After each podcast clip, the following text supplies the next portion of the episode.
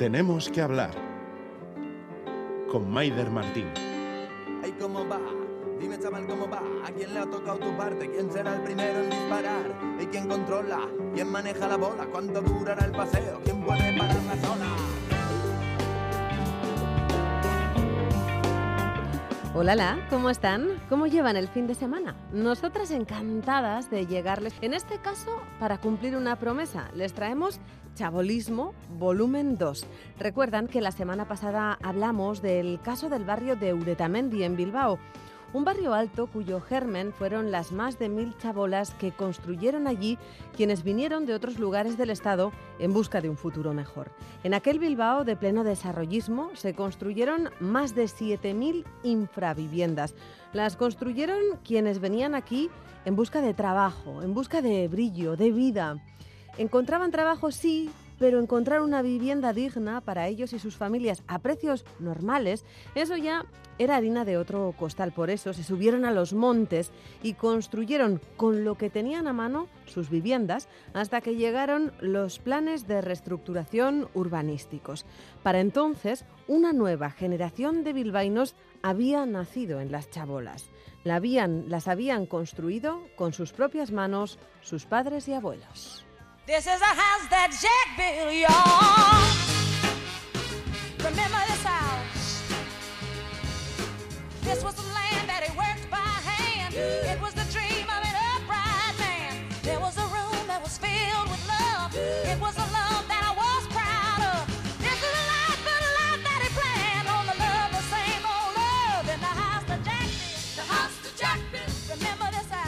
Para elegir el tema, ya les conté, me basé en dos libros, Bilbo Coechola Batean, de Íñigo López Simón, y la novela gráfica de Josemi Benítez, Las casitas de hojalata. Del primero hablamos la semana pasada, el segundo nos quedó pendiente y se lo traigo aquí y ahora. Es la historia de una chabola, sí, pero también es la historia de una familia, una historia de futuro que Josemi Benítez luchó porque no cayera en el olvido, porque es la suya, la de los suyos, aunque la piel de Bilbao haya mutado tanto que no quede en ella ni un resquicio de memoria de este pasado de chabolas, contra el olvido, Josemi Benítez. Bienvenido, ¿cómo estás? Muy bien. Bueno, tenemos que hablar, así se llama el programa, y hablando de eso, de hablar, ¿Cómo de difícil es contar una intrahistoria? Porque eso es las casitas de hojalata, ¿no? La historia de tu familia. Sí, eso es. Es, una historia que siempre he querido contar porque es, eh, la historia de mi familia y es, y es la historia de un Bilbao que, que, no existe y del que ya casi nadie se acuerda, ¿no? Entonces quería unir las dos cosas, la, la historia de mi familia y, la historia del Bilbao, aquel, de aquel Bilbao, ¿no? De los 50. En concreto, ¿de qué generación de tu familia? Pues es em, eh, mis abuelos y mi madre y mis tíos. Fueron ellos los, los valientes que, que, abandonaron allí su tierra para venir a Bilbao. Sí. ¿Y cuál era su tierra? Pues ellos vivían en un pueblecito que se llama Hornos de Segura, que está enclavado en la Sierra de Cazorla y Segura y las Villas. Y era un pueblecito, pues eso, dedicado al aceite, al campo, en los años 50, pues poco después de eso, de, los años del hambre, los años 40 y bueno, pues era un, sitio, bueno, y es un sitio precioso, allí en Jaén. Y, y nada, era un pueblo eh, que tenía 3.000 habitantes cuando ellos partieron. Y era un pueblo eh, que estaba muy bien, y ahora tiene como 1.000 habitantes. ¿Qué les movió eso, el hambre? Eh, bueno, sí, les movió el hambre pero, pero tampoco, o sea, tampoco era una, tampoco estaban en la miseria ni, ni, vivían en la pobreza más absoluta, ¿no? O sea, allí vivían muy bien, o sea, ellos tenían para comer, tenían trabajo, tenían, lo que sí buscaban era un, era un sueño, ¿no? Que era que sus hijos, sus nietos eh, tuvieran la opción de elegir, ¿no? Ellos no, no tuvieron esa opción, ellos eh, vivían allí, vivían bien, en un sitio precioso, eh, con buen clima, pero no tuvieron la elección, ¿no? Ellos eh, pues, nacieron en una familia humilde y tenían que dedicarse al campo y, a vender cosas. Y, aquí, pues eso, pues eh, sus hijos pudieron estudiar y sus nietos hemos podido estudiar también. ¿no? Hemos podido elegir. Em, o sea, objetivo cumplido. Objetivo cumplido, sí, sí, desde luego lo que ellos se marcaron lo, lo cumplieron con, con creces, ¿no? Eh, sí, sí, sí. ¿En qué año iniciaron el viaje? ¿Cómo lo hicieron? No sé cómo vinieron aquí. Pues em, ellos eh, conocían ya gente del pueblo, ¿no? Y de pueblos cercanos y, familiares que habían tomado la decisión de, partir, ¿no? Pues eh, un tío de mi abuelo se fue a Valencia, otros se fueron a Barcelona y bueno, pues no tenían muy claro dónde querían marchar. Entonces, bueno, pues no fue algo así romántico, no, Bilbao, no, lo echaron a suertes. Ay, Bilbao, qué bonito, ¿no? no, lo echaron a suertes y, bueno, fue, es una historia curiosa, ¿no? Porque tenían en un sombrero unos papeles y, ponían pues Bilbao en uno y Valencia en otro. ¿no? Ah, sí, ¿eh? Sí, sí, sí. Y mi madre, pues que tenía dos o tres añitos, pues fue la encargada de, de, de decidir la suerte de la familia en aquel momento y sacó el papelito de Bilbao y y para acá se vinieron. O sea, vino mi, primero mi abuelo en el año 55 a, a, ver qué tal estaba esto, ¿no? O sea, a ver si había trabajo, si era tan, si había tanto trabajo, ¿no? Como decían. Y sí, efectivamente vino, estuvo un año de, pues eh, viviendo de patrona, ¿no? Que era en habitaciones compartidas que había que vivir en el Monte Banderas. Y luego ya, pues eh, un año después, cuando vio que, que sí, ¿no? Que efectivamente aquí eh, el boom de, de la industria eh, estaba empezando y, había oportunidades, ¿no? Y al año siguiente pues ya se vinieron mi abuela con mi, con mi madre y mis tíos. ¿Cuántas veces te habrá dicho tu ama eso de si tú podrías haber sido valenciano, hijo? Sí, muy bonito Valencia, la verdad. sí, claro que sí. Pero sí, sí, claro, al final es el, es el azar, ¿no? Su azar en, en, este caso, eso ¿no? es, es un momento de azar que, que bueno, por, suerte eligió Bilbao, sí. ¿Qué año corría? Que no sé si me lo has dicho. En el 56. Eh, mi abuelo salió en el 55 y luego ya la familia, el resto de la familia vino en el 56. Es una fecha muy marcada en la historia de mi familia porque es el 24 de junio del 56 porque se acordaban de que cuando llegaron a la estación en Madrid, o sea, el, viaje duraba tres días. Era un día hasta Valdepeñas, otro día de Valdepeñas a Madrid, luego Madrid a hacer, no sé si hicieron noche, y luego pues otro, otro día a, Bilbao. ¿no? Y cuando llegaron a Chamartín decían que estaban los, los aficionados del Atleti porque justo jugaban la final de la Copa que ganaron. Mm. Sí, sí, se acuerda muy bien de la, de la fecha, sí. Em, y decías que fue tu abuelo el que primero se situó aquí en, en Bilbao, lo hizo en el Monte Banderas viviendo en habitaciones compartidas. Sí. E, ¿Eligió Monte Banderas por algo? Probablemente porque tenía compañeros del pueblo o por qué.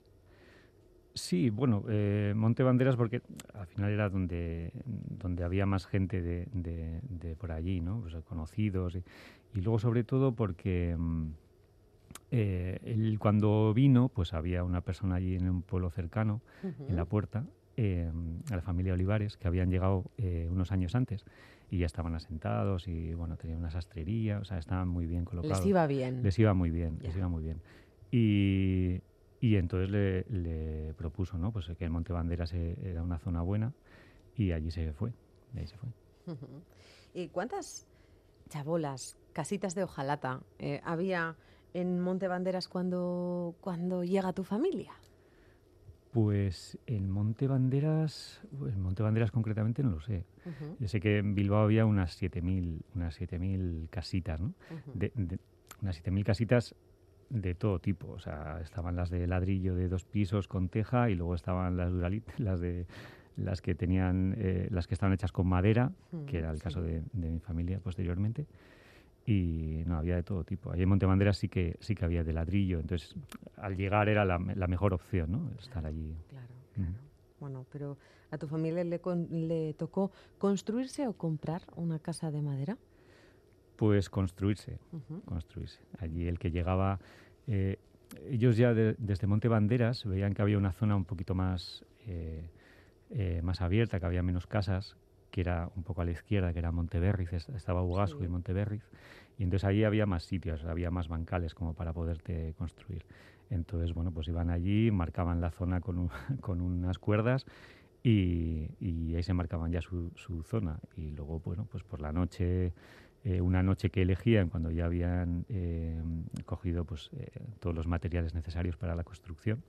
Mi abuelo se dedicaba a la construcción, entonces tenía facilidad para, bueno, pues, pues cosas sobrantes de la obra, pues las cogía o, y, bueno, las apilaban allí y una noche pues se juntaban cuatro o cinco amigos o conocidos o, el vecino de al lado y te ayudaban a construir la casa, ¿no? Era la solidaridad con mayúsculas. Y si esa casa tenía tejado durante la noche, había una ley no escrita que, te, que decía en Bilbao que esa casa las autoridades no la derruían, ¿no? Y así le ocurrió a tu familia, me imagino. Eso es, eso es. Tenían que estar un poco pendientes, ¿no? De que no apareciera por allí la policía. Y sí, sí, la construían durante la noche y eso ponían el tejado y luego ya pues le iban acabando poco a poco, ¿no? ¿Y cuántos años tenía tu ama en aquel momento? Pues mi ama tenía tres años, mm, tres, cuatro añitos. ¿Y cuánto tiempo estuvo allí? pues estuvieron desde el 56 hasta el 61 que se, que se derribaron. Mm. Pues. Siete, ocho años. Sí, eso es. Eh, ¿Recuerda cómo era aquella casa? ¿Te, lo ha contado? Sí, sí, perfectamente. Hombre, de, hecho, gracias a ella, ¿no? Porque ya mis abuelos hace tiempo que ya no están. Y entonces, gracias a ella y, a mi tío, que también acaba de fallecer, pues me ayudaron, ¿no? Entonces, eh, me, me acuerdo que mi madre me dibujó ahí una servilleta, me dibujó un poco el plano de la casa y luego, pues yo le iba preguntando, ¿no? Y entonces aquí, no, pues era de madera y aquí estaba la, la lámpara de carburo, no sé qué y la cocina que tenía aquí las baldas para los platos. O sea, era una casa muy, muy digna para, la, para las materias primas que tenían, ¿no? Tenían un pequeño gallinero también. O sea, en, en, aquellas casas todo reprodujeron un poco lo que tenían allí, ¿no? O sea, pues un poco de animal, si, tenían un, poco para hacer una huertita. Pues, mm. Pero sin luz, sin electricidad. ¿Cómo era una cocina? Por ejemplo, sin baño, por supuesto, ¿no? Claro, claro, sin ningún tipo de, saneamiento. Sí, sí, sí. No, las cocinas eran las típicas cocinas de, carbón, de, leña y carbón.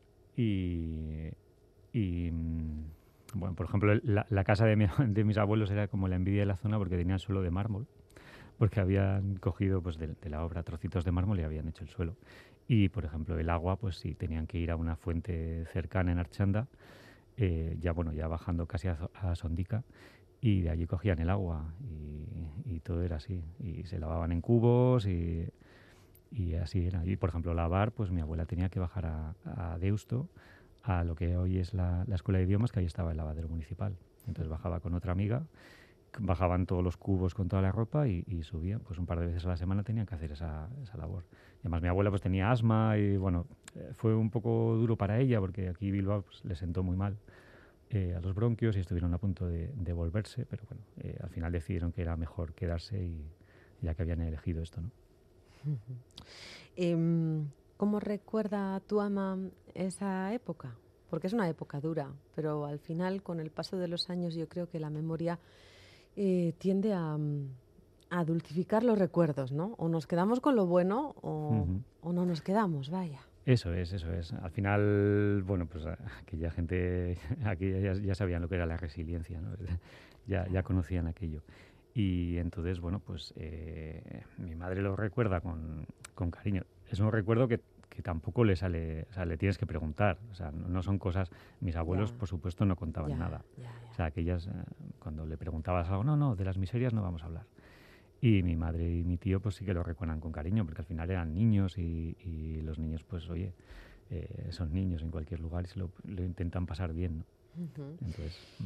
em, en esa zona de Archanda, de Montebanderas, donde se estableció tu familia, me imagino que habría una escuelita. No sé si tu ama y tu tío iban a esa escuela o iban a otra. Sí, allí en la zona de eh, donde ellos estaban, no, pero justo al lado, en la zona de Ugasco, que era una, zona más grande, ahí sí que había dos escuelitas. Lo que pasa es que las familias allí tenían la opción o de ir a la escuela, que era lo más cómodo para las familias, porque bueno, dejabas al niño ahí al lado y, ya estaba, ¿no? Y luego otras familias, pues eh, sí, querían algo mejor para sus hijos y les mandaban a, escuelas de Bilbao, ¿no? Que, estaban becadas y, y, luego, por ejemplo, mi madre pues iba al Colegio Cervantes tenía pues como tres kilómetros eh, todos los días andando. Eh, el mayor del grupo se encargaba de bajar a todos los pequeños, ahí por el, por el Garrizal aquel, sí, sí, por toda la montaña y llegar a, la escuela con las botas, cambiarse las botas y ponerse otros zapatos. Y luego mis tíos ya eran mayores, ya tenían pues 15, eh, 16 años y ya pues trabajaban durante el día y luego durante la noche pues iban a una academia a seguir estudiando, sí. Porque en el caso de tu ama, ¿ella estaba becada? Sí, sí, sí, sí, sí, sí, sí. ¿Y qué tal la trataban en el cole? Porque en las montañas, ahí bien agarrados, en esas casas de hojalata, Mm. vivían los coreanos, los maquetos, los de fuera, ¿no? Sí, eso es, eso es, eso es. Hombre, al final eh, la hospitalidad fue, fue buena por parte de, de casi toda la población ¿no? de Bilbao. Pero bueno, siempre había pues las típicas reticencias de, de algunos y, y, bueno, sobre todo los niños, ¿no? Claro, porque al final los colegios, ya más allá de que te dividieran entre niños y niñas, pues había otra división no, no, no oficial que era pues que separaban ¿no? pues un poco a, la, a, los niños y las niñas que venían de, de, de, los montes de las casitas los ponían en una zona y luego a los otros pues los ponían en otra ¿no? así Entonces, ¿eh? había sí, esa segregación sí, cruel sí sí sí, uh -huh. sí la había sí vaya. y tu mamá eso cómo lo recuerda bueno, Supongo es que no, que no, habrá querido entrar ahí. No, mucho, pero es que ¿no, tampoco, le, tampoco le dan importancia, ¿sabes? No, Ya, es, no es algo que, ya. que le, ¿sabes? Que le cause Sí, ningún tipo sí. de rencor. No, no, pues era así y ya está. O sea, las cosas eran así. Mm. No, no, no le dan más vueltas. ¿no? Mm, Algo que quizá hoy día a nosotros Sí, nos bueno, enerve, ¿no? Hombre, seguro, sí, sí. Eh, Hay- a ver, quiero decir, a mis, a mis abuelos también les enervaría, ¿no? Pero bueno, al final, Claro. quiero decir, tienes que convivir y es lo que tocó en, en aquella época Ujú. y había que aceptarlo así. Eh, por cierto, ¿cuándo y, y por qué sale de tu familia de esas sale tu familia de esas casitas de hojalata? Pues salen, eh, bueno, en el año 58 vino el dictador Franco, vino a Bilbao a... a, a- ¿a qué era? ¿A inaugurar el BEC? Eso es. Bueno, el BEC, la antigua Feria la de Muestras. La antigua Feria de Muestras. Entonces Sí. pasó, el, el- el coche oficial pasó por ahí, por Enecuri, entonces vio todas aquellas montañas llenas de, llenas de chabolas y dijo, bueno, que aquello no, que aquello no le gustaba y que aquello había que derribarlo, ¿no? Entonces aquella miseria que él, que él había provocado, pues no la quería ver. Y entonces mandó construir el, el barrio de Charcuaga. Y bueno, pues la mayoría de la gente, sobre todo el de la parte de Montebanderas, Montecabras y Ugasco y así, fueron a Ocharcuaga. A todos les tocó una casa, ¿no? A mis abuelos también les tocó, pero ellos, bueno, pues de, tras un tiempo allí decidieron que aquello no, no eran aquello, aquello lo, que, lo que querían y la familia Olivares, la misma que les había facilitado la llegada a Bilbao, La de la sastrería. eso es, les facilitó una, un, una- un trabajo, ¿no? Un, un trabajo que no fuera la construcción, sino que era de portero en, en el edificio donde ellos vivían, que estaba en la calle Hortaba Mézaga. Y entonces, bueno, pues eh, ahí, ahí se fueron toda la familia a, a la calle Hortaba Mézaga, y de, de las chabolas a Hortaba Mézaga, ¿no? Un cambio así. Radical. Sí, fuerte, sí. Sí, sí, sí. Y nada, y ya empezó a trabajar de portero, luego fue a otra portería en, en, otras en otra calle y bueno, así, así fue. Ajá. ¿Qué te ha dicho la familia cuando ha visto este cómic? Las casitas de hojalata. Bueno, pues sí, sí, les, les ha gustado, ¿no? Al final les ha gustado el, el- que, pues que te intereses, ¿no? Pues más que nada que, que- que muestres interés por todo aquello, ¿no? Que al final no, para ellos no va a ningún lado, ¿no? O sea, al final ahora es el presente y el futuro y aquello, pues, ¿para qué, no? Pero sí les ha hecho ilusión y sobre todo eh, ha sido ha sido muy importante porque yo al final quería que esa historia casi olvidada y, y de, de aquel Bilbao que, no- que ya no existe, ¿no? Y, que, y tal, quería que no se perdiera, ¿no? Porque Claro. al final veo que si ahora la gente no la conocía mucho, dentro de unos años no la iba a conocer, no la iba a conocer nadie, ¿no? Porque ya, por ejemplo, de la gente con la que hice este trabajo, pues mi tío ha fallecido, mi padre ha fallecido y va quedando poca gente y yo pues no quiero que, que- que mi hijo no sepa esta historia, ¿no? Y si algún día yo falto o lo que sea, pues quiero que, que tenga esto por lo menos, este, este cómic para, para, para ver la historia, ¿no? Claro. Esa es la motivación principal, que esto no se pierda. Sí, desde Tampoco luego. en la familia. Desde luego, desde luego, desde luego. Sí, la familia ya lo sabe, ¿no? Pero, pero lo- los que vengan después, pues es, se va a perder, ¿no? Y sí que, sí que quería hacer esto por eso. ¿Y les ha gustado? ¿Se han visto eh, bien Sí, reflejados? Sí, sí, sí. Quiero decir, porque luego está el arte de dibujar. ¿no? Sí, les ha gustado, sí, sí, sí. les ha gustado, sí, sí. Ay, bien, ay, qué bien dibuja mi hijo, ¿no? Em, ¿Con quién has editado? ¿Qué tal va el libro? El libro, bueno, la novela gráfica, el cómic. Sí, pues eh, el librito, sí, porque al final Ujú. es un librito. Y, y va muy bien, va muy bien. Es un trabajo que, que, bueno, que hicimos en, en el periódico El Correo donde trabajo. Sí. Fue un reportaje gráfico. Digámoslo, eres compañero, eres infógrafo, sí, ¿no? sí, Jefe de infografía del correo. Sí. ¿no? Entonces hicimos, sí, eso es. Entonces hicimos un trabajo ahí, un suplemento de 20 páginas, luego hicimos un especial en la web con mi compañera Solange Vázquez Y bueno, gustó y entonces me, me propusieron editarlo. ¿no? Entonces lo, estaba muy interesado en la editorial El Gallo de Oro y entonces entre el Correo y El Gallo de Oro pues lo hemos coeditado y hemos sacado este libro que lleva unos meses en librerías y bueno, está vendiéndose bien, sí. Bueno, pues que la historia no se pierda. Las casitas de Ojalata, editado por Gallo de Oro y firmado por mi José Miguel Benítez. Ha sido un placer. Igualmente. agur. Venga, agur.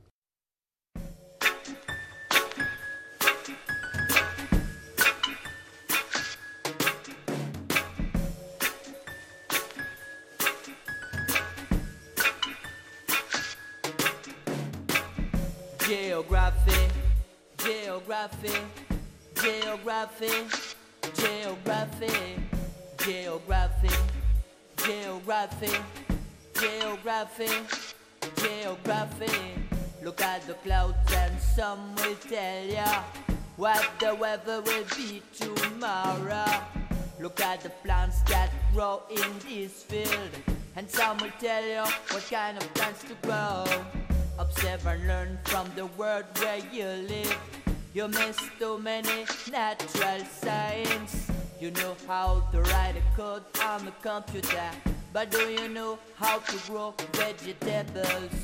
Geography, geography, geography. Geography. Contra el olvido, memoria, datos y revisión del presente. ¿Por qué no? Bueno, pues les invito ahora a vernos y a sabernos por dentro. Tomémonos la temperatura, porque si antes nuestras ciudades crecían por los márgenes, se pegaban fuerte a los montes en versión chabola, como hemos visto y leído en las casitas de Ojalata, en ese desarrollismo cruel para las personas que llegaban hasta aquí a finales de los 50. Ahora, ¿quiénes somos? Quiero decir, ¿por dónde y cómo estamos creciendo? Me surge la duda porque hace no mucho repasaba la prensa y veía que debido a la COVID, nuestra localidad más poblada, por ejemplo, Bilbao y otras tantas localidades industriales también, estaban perdiendo habitantes.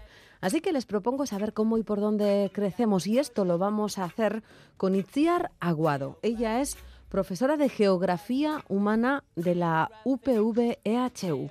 ¿Cómo estás, Itziar? Muy bien, muchas gracias.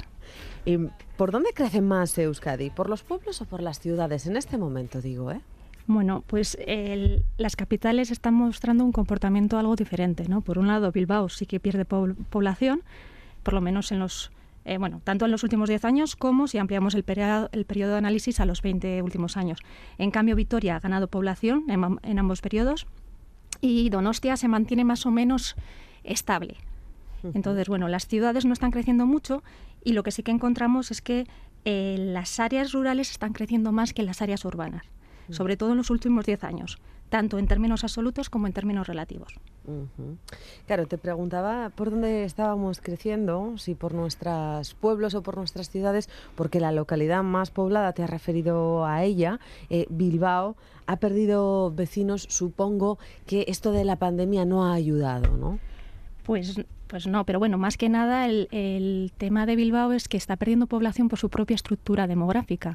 A ver. Una estructura demográfica que está envejecida, uh -huh. por lo tanto no hay relevo generacional, por lo tanto, bueno, pues al final es a, debido al crecimiento vegetativo, es decir, que, bueno, pues como es una población envejecida, no se tienen unas tasas de natalidad altas, en cambio las tasas de, natal, de mortalidad se, son altas, mm. y esto es lo que hace que pierda población eh, yeah. por, ese, por ese saldo demográfico vegetativo, digamos. Porque Vamos realmente, si analizamos el, el, saldo migratorio, Bilbao está atrayendo población. Vamos a decir que eh, nos hacemos viejos y viejas y no hay migración suficiente que atenúe esto, ¿no? Sí, ese, ese, es el motivo. Bueno, en el último año sí que la, el saldo migratorio de Bilbao ha sido negativo, Ajá. pero si analizamos con una perspectiva más amplia de tiempo, pues vemos que no, que eh, gana bastante población. Claro, Sobre en el todo, último año eh, entiendo que de nuevo por la COVID-19. Sí, haya influido, uh -huh. bueno, eh, en parte por eso, en parte por la economía, pues uh -huh. un poco pueden influir diferentes factores. Uh -huh. Y por cierto, vamos a quedarnos aquí. ¿Cuáles son los barrios más poblados y jóvenes en este momento en Bilbao? Porque la semana pasada hablábamos de, de su desarrollo, de su evolución y nos referíamos al caso de Uretamendi en los 70, que creció como la pólvora a través de chabolas. ¿Y ahora qué? ¿Cuáles son los barrios en los que nos tenemos que fijar? Bueno, si nos fijamos en lo que sería el volumen, la cantidad de población, eh, serían Santuchu, el, el más poblado, con, con diferencia, luego Indaucho, Abando, San Pedro de Deusto. O sea que tenemos un poco mm, diversidad también en cuanto a, a, eh, composición demográfica. Eh, en cuanto a la densidad, ¿cuáles son los barrios más densos? Eh, comparando esa población con la superficie que hay, pues eh, tendríamos solo Coetze, Amézola, Iturralde, Matico. Bueno, realmente lo podemos analizar de diferentes maneras, pero eh, tampoco podemos establecer una relación clara entre la composición demográfica de estos barrios y su, su densidad o su, o su volumen de población. Al final, en Bilbao, sobre todo, yo creo que está influyendo mucho el tema del, del relieve, de la orografía, de cómo, el, cuándo surgieron los barrios, en qué momento de desarrollo se encuentran, más, que, más que temas demográficos, digamos. Y luego, en cuanto a la- al barrio más joven, es sin duda Miribilla.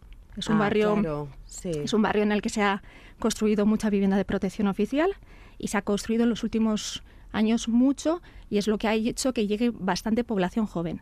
Lo que pasa es que si nos ponemos a analizar qué población joven está llegando, hay muy poca población inmigrante. O sea, es el, el barrio, digamos, que más volumen de población joven tiene. Es un barrio que tiene un nivel de estudios bastante alto. No anda mal de renta, porque sería el cuarto en cuanto a nivel de renta. Abando el primero, entiendo. Sí, bueno, ahora, ahora está Indaucho. Ajá, miren. Pero bueno, andan, eh, un año anda uno, otro año otro, o sea que van, van alternándose. Pero, pero sí que es un, es un barrio, pues eso, que se caracteriza a, pas- a pesar del fuerte volumen de vivienda pública, de no tener apenas inmigración. Eh, y en el caso de Donostia y Gasteiz, ¿a dónde tenemos que mirar? Bueno, los barrios, en Vitoria, por ejemplo, los barrios más, mm, más poblados serían los barrios que surgieron a partir de los años 90, Ujú. Eh, sobre todo, bueno, pues Arriaga Lacua es el más poblado, le sigue Zabalgana, que este es un barrio que surgió en, en los años 2000, eh, a partir, bueno, pues a partir del 2003. Eh, luego Sansomendi, que surgió un poco a la par que, que el y luego Sal- Salburioa, que también es a la par de, eh, de Zabalgana.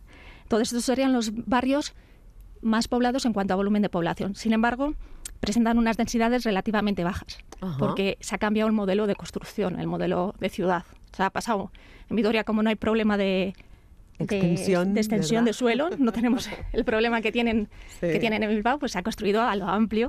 Y entonces, eh, estos barrios presentan bastante eh, poca densidad.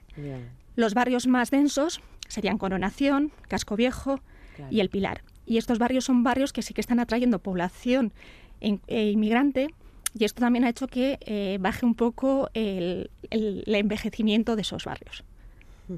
En Donostia, Sí, vamos en cambio, a Donostia. a en cambio, los barrios con mayor densidad pues serían Gros, Amaraberri y Centro. Y los barrios más, más poblados también pues coinciden algunos de ellos, porque estarían Amaraberri, Centro y Alza. Eh, los barrios más jóvenes eh, son barrios con renta per cápita más alta o todo lo contrario. Mm, hay, hay diferencias entre barrios, o sea, no se puede...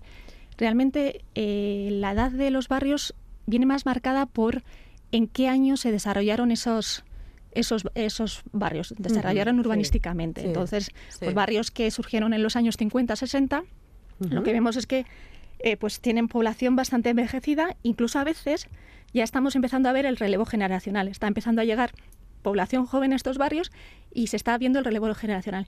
Mientras que igual barrios que surgieron en los 70, 80 son los que ahora igual están más envejecidos. Pues en el caso de, de Vitoria, el barrio más envejecido es Gazalvide. Y es porque eh, ahí todavía pues no se, se- no se ha dado ese relevo generacional.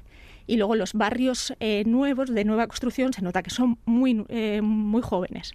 Entonces, al final, el- la gente va ocupando las viviendas, se van, según se va construyendo, y luego no hay mucha movilidad residencial. Por lo tanto, un barrio crece un poco, con su, eh, o envejece con su población. Claro, claro. Y en el caso de los pueblos, ¿cómo estamos, Itziar? creo que nos sorprendería la lista de pueblos que no se pueden llamar así, sino entidades de población con un solo habitante, ¿no?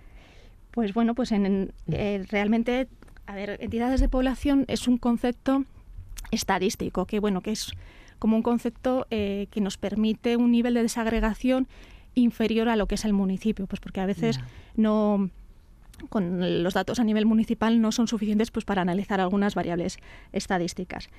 en, en, todo el País Vasco pues tenemos cuatro eh, municipios, eh, cuatro núcleos de bueno, núcleos o entidades de población eh, que no tienen que tienen solamente un, un habitante. Y en, en el conjunto de Euskadi tendríamos 18 entidades de población que tienen menos de 5 de cinco habitantes, la mayoría de ellas en Álava. 15 pertenecen a Álava. Entonces, bueno, pues sí que tenemos mm, entidades de población con muy escasa población. Tenemos incluso también entidades de población que ya no tienen población. Y bueno, pues eh, esto luego al final depende de cómo se organicen esas entidades de población, porque varias entidades de población pueden formar los municipios. Puede ser que a nivel municipal pues eh, tengamos unos tamaños de población diferentes. Por ejemplo, en, en Guipúzcoa eh, si analizamos a nivel municipal, eh, serían los que Guipúzcoa sería la provincia que presenta eh, municipios más pequeños. Eh, pero los municipios más pequeños, los cuatro municipios más pequeños de todo el País Vasco están en Guipúzcoa. Porque cada municipio no tiene muchas entidades de población, por ejemplo, puede ser. Es decir, no está muy disperso. no, está muy, no está muy disperso, o bueno, tiene entidades de población, coincide que tienen entidades de población pequeñas en tamaño. Em, ¿Cómo vamos de pueblos? Te preguntaba para saber si desaparecen o si se están reactivando, si estamos eh, haciendo gota a gota, poco a poco ese pequeño éxodo hacia lo rural. Pues realmente los municipios que más crecen son municipios de tamaño medio o pequeño, o sea, municipios en, si cogemos un periodo de 20 años, eh, los municipios entre 1.000 y 2.000 habitantes son los que presentan unas tasas de crecimiento anual acumulado mayores después le siguen los municipios de menos de, 500 eh, habitantes. O sea, que están creciendo los pueblos. Están creciendo más los pueblos. Están creciendo más los pueblos, aunque sí es cierto que en los últimos 10 años el ritmo de crecimiento ha bajado. Y ahora, eh, realmente, los, si analizamos los últimos 10 años, los que están creciendo a un ritmo superior serían los municipios entre 2.000 y 10.000 habitantes, que ya son de tamaño medio, bueno, casi se podrían considerar ciudades, ¿no? A partir de los 10.000 se consideran ciudades. Entonces, ahí encontramos eh, municipios de tamaño medio. Pero sí que lo que más está creciendo son las áreas, las áreas rurales. Eh, también, bueno, pues eh, lo, que, lo que podemos observar es que los municipios que menos crecen son los de más de 100.000 habitantes. Entonces, esto analizándolo en los últimos 10 o en los últimos 20 años. Entonces, sí que es cierto pues que al, al final en volumen de población igual tienen crecimientos eh, porque al final el, saldo es positivo, ¿no? Tienen crecimientos y puede ser un volumen de población, una cantidad de población importante, pero a nivel eh, relativo, realmente los valores son muy bajos. Em, claro, y mientras eh, notamos que gota a gota, porque a nivel relativo se crece poco, ¿no? Pero hay un goteo ahí hacia lo rural, eso es evidente, nos lo ratificas tú como, como demógrafa. Y luego está el caso de Álava. ¿no? Y en Álava se teme la, despoblación, la desaparición de, los pueblos, de las zonas rurales. Bueno, se habla, de, se habla de despoblación, pero realmente en Álava se está ganando población. ¿Ah, sí? O sea que eso... A ver, ¿cómo es esto? sí, eh, Álava está ganando población. Sí que es cierto que, por ejemplo, la, eh, la cuadrilla de montaña alavesa eh, está, está perdiendo bueno, pues algunos núcleos están perdiendo población, pero el conjunto de Álava está ganando población. Y, por ejemplo, eh, la, cuadrilla del río Jalavesa está ganando bastante población, es la de los que más crecen. Entonces, eh, realmente en Álava no tenemos problema de despoblación. Sí que es cierto que igual algunos municipios pueden perder eh, población, pero eso es debido principalmente a su estructura demográfica. Ya perdieron población, ya se despoblaron, digamos, en los años 60, con ese éxodo rural. Y ahora realmente es que como tienen una población tan envejecida y sobre todo como eh, hay muchas veces también influye el, el sex ratio, ¿no? Cómo está distribuida la población por sexos, ¿no? En la edad adulta suelen tener unos sex ratios mucho más favorables a los hombres. Entonces, claro, ahí es más difícil el que, se, bueno, pues las tasas de natalidad van a ser más bajas, entonces no se puede dar ese relevo generacional. Entonces, principalmente es por, la estructura de población. Ya se perdió población, entonces no son capaces de, eh, de forma endógena, eh, eh, generar crecimiento vegetativo. Habrá que atraer a los jóvenes a los pueblos, ¿no? Bueno, eso ya eso es discutible o debatible, porque bueno, al final la forma más sostenible muchas veces de, vivir es en las ciudades, ¿no? Agrupados en las ciudades y la forma pues eh, económicamente más viable de dotar de, equipamientos también es con ciertas densidades de población. Sí que es cierto que hay que fijar población en las zonas rurales porque cumplen una función muy importante en temas de eh, pues, eh, de cuidado del medio y también pues por temas de, de, agricultura, de fomentar la agricultura local, actividades, el sector primario. Pero bueno, pues realmente es, es mejor que vivamos en ciudades que no todo el mundo suborganizado en casas unifamiliares donde el único modo de movilidad es el transporte eh, pues, eh, vehicular, ¿no? Y, donde bueno pues al final hay mucho más consumo de, recursos. Vamos que en los pueblos se ahorran recursos no asociado A, esta falta de servicios puede estar también en parte eh, esa despoblación rural en la montaña alavesa por ejemplo que es el caso más paradigmático. Claro lo que sí que se ve es que eh, más que la falta de servicios, que también, que es, eh, una existe una relación clara entre una menor dotación de servicios y equipamientos y pérdidas de población, porque al final el lugar no es tan atractivo. Eh, muchas veces lo que más influye es la accesibilidad que tienen esos, esos municipios respecto a la capital o a ciudades de tamaño o núcleos de tamaño poblacional alto. Por ejemplo, en el caso de, de la Rioja Alavesa, pues eh, sería su relación con Logroño, lo que hace que muchas veces los municipios más cercanos a Logroño no pierdan población. En el caso de la cuadrilla dañana, pues también su accesibilidad en ese caso sería Miranda de Ebro en lugar de Vitoria y luego en todo el Álava pues se ve que los municipios más alejados o peor conectados mediante transporte público, mediante carretera con Vitoria-Gasteiz son los que eh, suelen perder población. Y lo mismo en, lo observamos en las otras provincias. Los, los municipios más pequeños y más excéntricos, peor conectados, son los que suelen perder población o más, son más vulnerables a esa pérdida de población. Entonces, por un lado, la accesibilidad. Yo primaría más la accesibilidad y eso que entendiendo también que el territorio de Euskadi está muy bien conectado y las distancias realmente no son distancias muy grandes, pero sí que se ve que a partir de los 30 minutos de, de conexión mediante transporte privado o mediante transporte público ya, eh, bueno, pues esas localizaciones son un poco excéntricas. Entonces, por un lado, sobre todo, la accesibilidad. Por otro lado, también es importante el tema de la vivienda. Claro, en, muchas veces la dificultad de, de asentarse en los pueblos es que igual no hay viviendas o viviendas con las calidades que se necesitan, los estándares que se requieren o no son atractivas o son eh, no hay vivienda, por ejemplo, de protección pública. Entonces, eso también hace que igual los jóvenes, aparte de la, actividad económica, pues eh, las, las, oportunidades laborales que pueden no estar situadas justo en, en esos municipios, pues es lo que hace que al final muchas veces los jóvenes no se queden allí. Entonces, por un lado la accesibilidad, por otro lado la vivienda, los equipamientos también son importantes. Y luego también lo que se ve en Euskadi es que están perdiendo mucha población bueno, o, es importante la pérdida de población que están sufriendo algunos municipios que son municipios industriales o industrializados, que se industrializaron en los años 60, 70, 80 y que, eh, bueno, pues ahora el tejido económico ya está algo envejecido y sobre todo que la población está envejecida. Llegó mucha población en aquellas décadas y ahora es una población envejecida que, bueno, pues al final esto hace también que la propia dinámica demográfica haga que se pierda población. Entonces tenemos un poco esas dos, eh, digamos, esas dos áreas que están sufriendo más la despoblación. Eh, que no el despoblamiento, que es diferente, ¿no? Entonces, la despoblación, pues municipios rurales excéntricos y municipios industriales que, eh, bueno, que se industrializaron ya hace unas cuantas décadas. Ujú, que están en esa desindustrialización en este Ujú. momento, ¿no? Bueno, pues tenemos que permanecer atentas ¿eh? a lo que está ocurriendo con, con nuestra población. Tú, Itzia Raguado, nos has desenmarañado un poco este misterio, porque leer estadísticas es bien complicado. Eh, así que te agradecemos mucho que te hayas pasado por el programa, porque tenemos que hablar. Itzia Araguado, profesora de Geografía Humana de la UPV EHU. Es que ricasco. Gracias a vosotros. Un abrazo. Un saludo.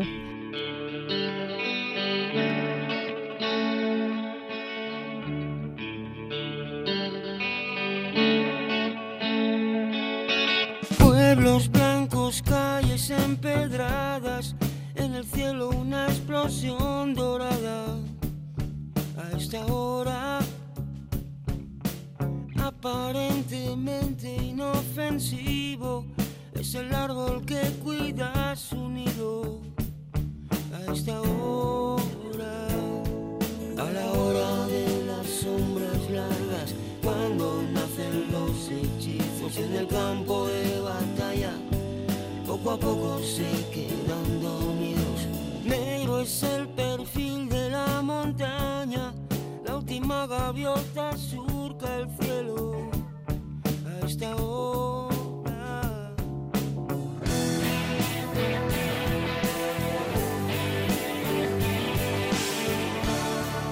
Ya lo han escuchado en la entrevista, nos hacemos mayores y la vida no nos da tampoco para tener hijos. Nos hacemos mayores y nos retiramos. Algunos lo hacen en el pueblo, en los pueblos más mínimos que se puedan imaginar y que también están aquí en Euskal Herria. Otros abandonaron hace décadas su pueblo para ir en busca de ese futuro industrializado que nos decía Itzi Araguado. Entre la despoblación y el retiro de oro están algunos de nuestros pueblos, sobre todo en Araba. Les invito a comprobarlo con Manuel Cuesta Encina, el casi alcalde del casi pueblo menos habitado del país. Hola Manuel, ¿cómo lo llevas? Bien, aquí estamos, luchando un poquito. Bueno, yo decía que eres casi alcalde, porque alcalde, alcalde del todo no eres. No, porque aquí es presidente. En las juntas administrativas son, somos presidentes. Alcalde es en los ayuntamientos. Eres presidente de Atiega, que es, eh, ¿cómo lo definimos? Es un- una localidad eh, pequeñita, pero a la vez grande eh, por la gente que tiene, la, eh, la tranquilidad y todo. Anda que, que no vendes bien el pueblo, ¿eh? Hay que hacerle. 16 habitantes tiene censado en este momento Atiega. ¿Dónde Sí. está eh, concretamente? En la cuadrilla de Añana, pero ¿hay dónde? ¿A cuántos kilómetros, por ejemplo, de, de Salinas, que quizás sea el pueblo más turístico de esta cuadrilla? Sí, nada, a 3, 4 kilómetros estará de, de Salinas de Añana, eh, que es, eh, sí, que nosotros pertenecemos a, a Añana, eh, que es, bueno, Salinas de Añana es el, es, es el pueblo y, y Añana es la, el municipio. ¿Y cómo de extenso es Atiega? Atiega pues tiene mm, aproximadamente unos veintitantos vecinos, eh, lo que es más o menos de casas y, y luego en, verano o en eso pues suele venir mucha más gente de, de- las casas, pero bueno, normalmente pues eh, puede haber unas 15 personas eh, di- diariamente y luego pues bueno sube hasta veintitantos y, en verano y días así pues bueno pues eh, se llega a igual hasta 40 personas o más. ¿Y el día a día en Atiega cómo es? ¿Tiene que ser tranquilo por necesidad si sois unos 15 en invierno? Sí, sí, es un pueblo tranquilo porque mm, eh, es un pueblo, vamos, que está eh, un poquito apartado, vamos a decirlo, pero sí que pasa a lo que es la circulación por el pueblo, sí, entonces eh, ahí es un poquito más molesto, pero bueno, pero está bien porque tenemos ahí el molino, tenemos eh, la iglesia, y tenemos un horno y cosas así que estamos rehabilitando poco a poco. eh, ¿Un horno? ¿Un horno de qué? Eh, eh, es un horno, hay un horno de que era de leña, que donde hacían pan y esas cosas, y luego hay un molino que donde molían la, la, a ver, el trigo y la cebada y todo esto. ¿Y la gente a qué se dedica en Atiega, fundamentalmente? Esos 15 Pues vecinos que viven permanentemente. Sí, los que en la tierra ahora mismo pues están jubilados, la sí, están jubilados todos, entonces eh, antes se dedicaban a las tierras y al ganado. El ganado había hay unos vecinos que que pues tenían ovejas y eso y luego lo cogió otra persona eh, cuando se jubilaron y eso eh, y las tierras igual las tierras eh, las llevaban antes y ahora las llevan otra persona en alquiler pero es tierras y ganado es lo que se lleva. Y, por cierto, ¿cuántos años llevas tú como presidente de Atiega? Pues llevo ya muchísimo tiempo no sé exactamente decirte de 2000 pues no sé 2007 o 8 mucho mucho tiempo.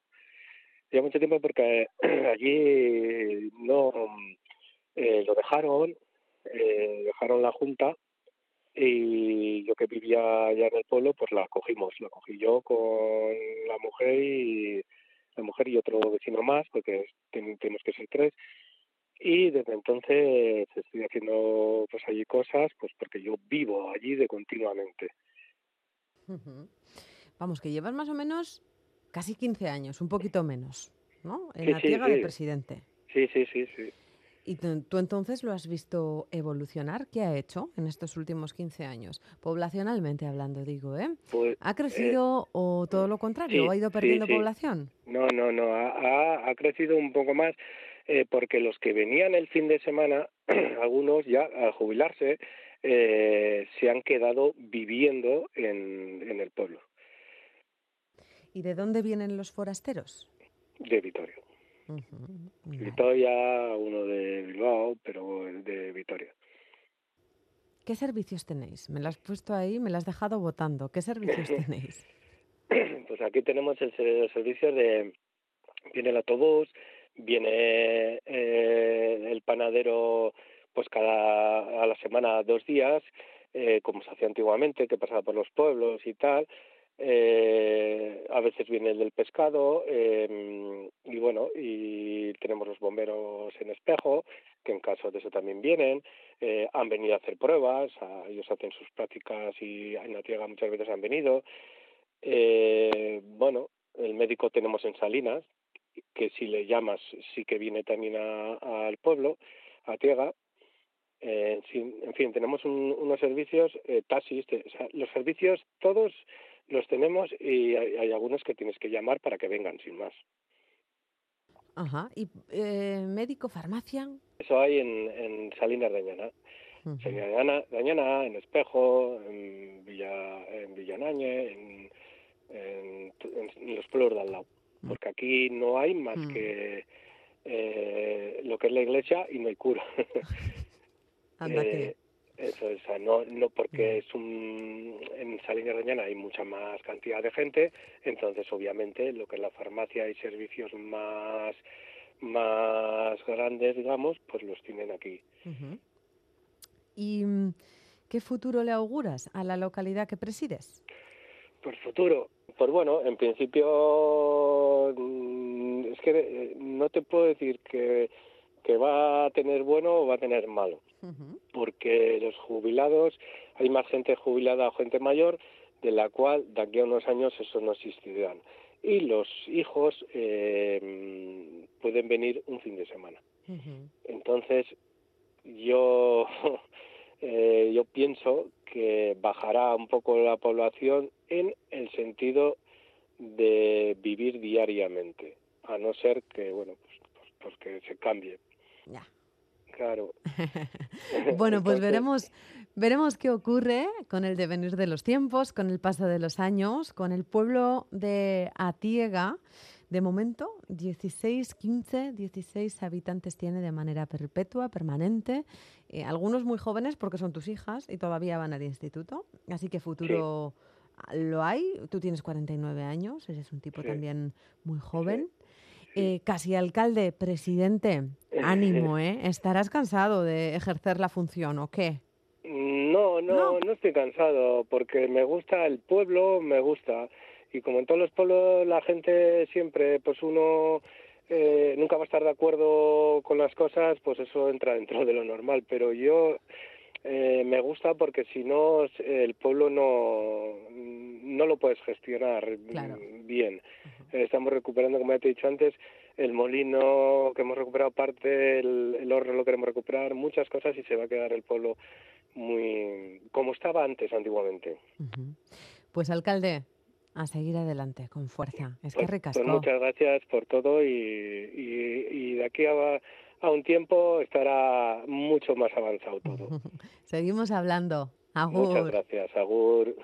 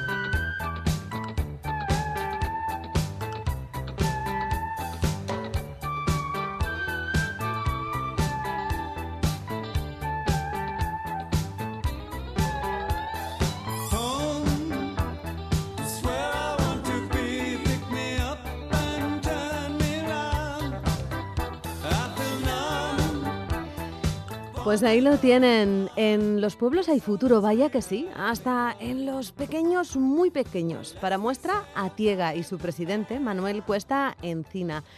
Y miren, no sé dónde nos pillará la vida o el futuro de aquí a unos años, si en una vertiginosa ciudad o en un pueblo tan plácido como este de 16 vecinos y vecinas. Pero al cabo del día, los de un lugar y de otro quieren lo mismo, abrir la puerta de un espacio físico en el que de manera más modesta o no nos sintamos en casa.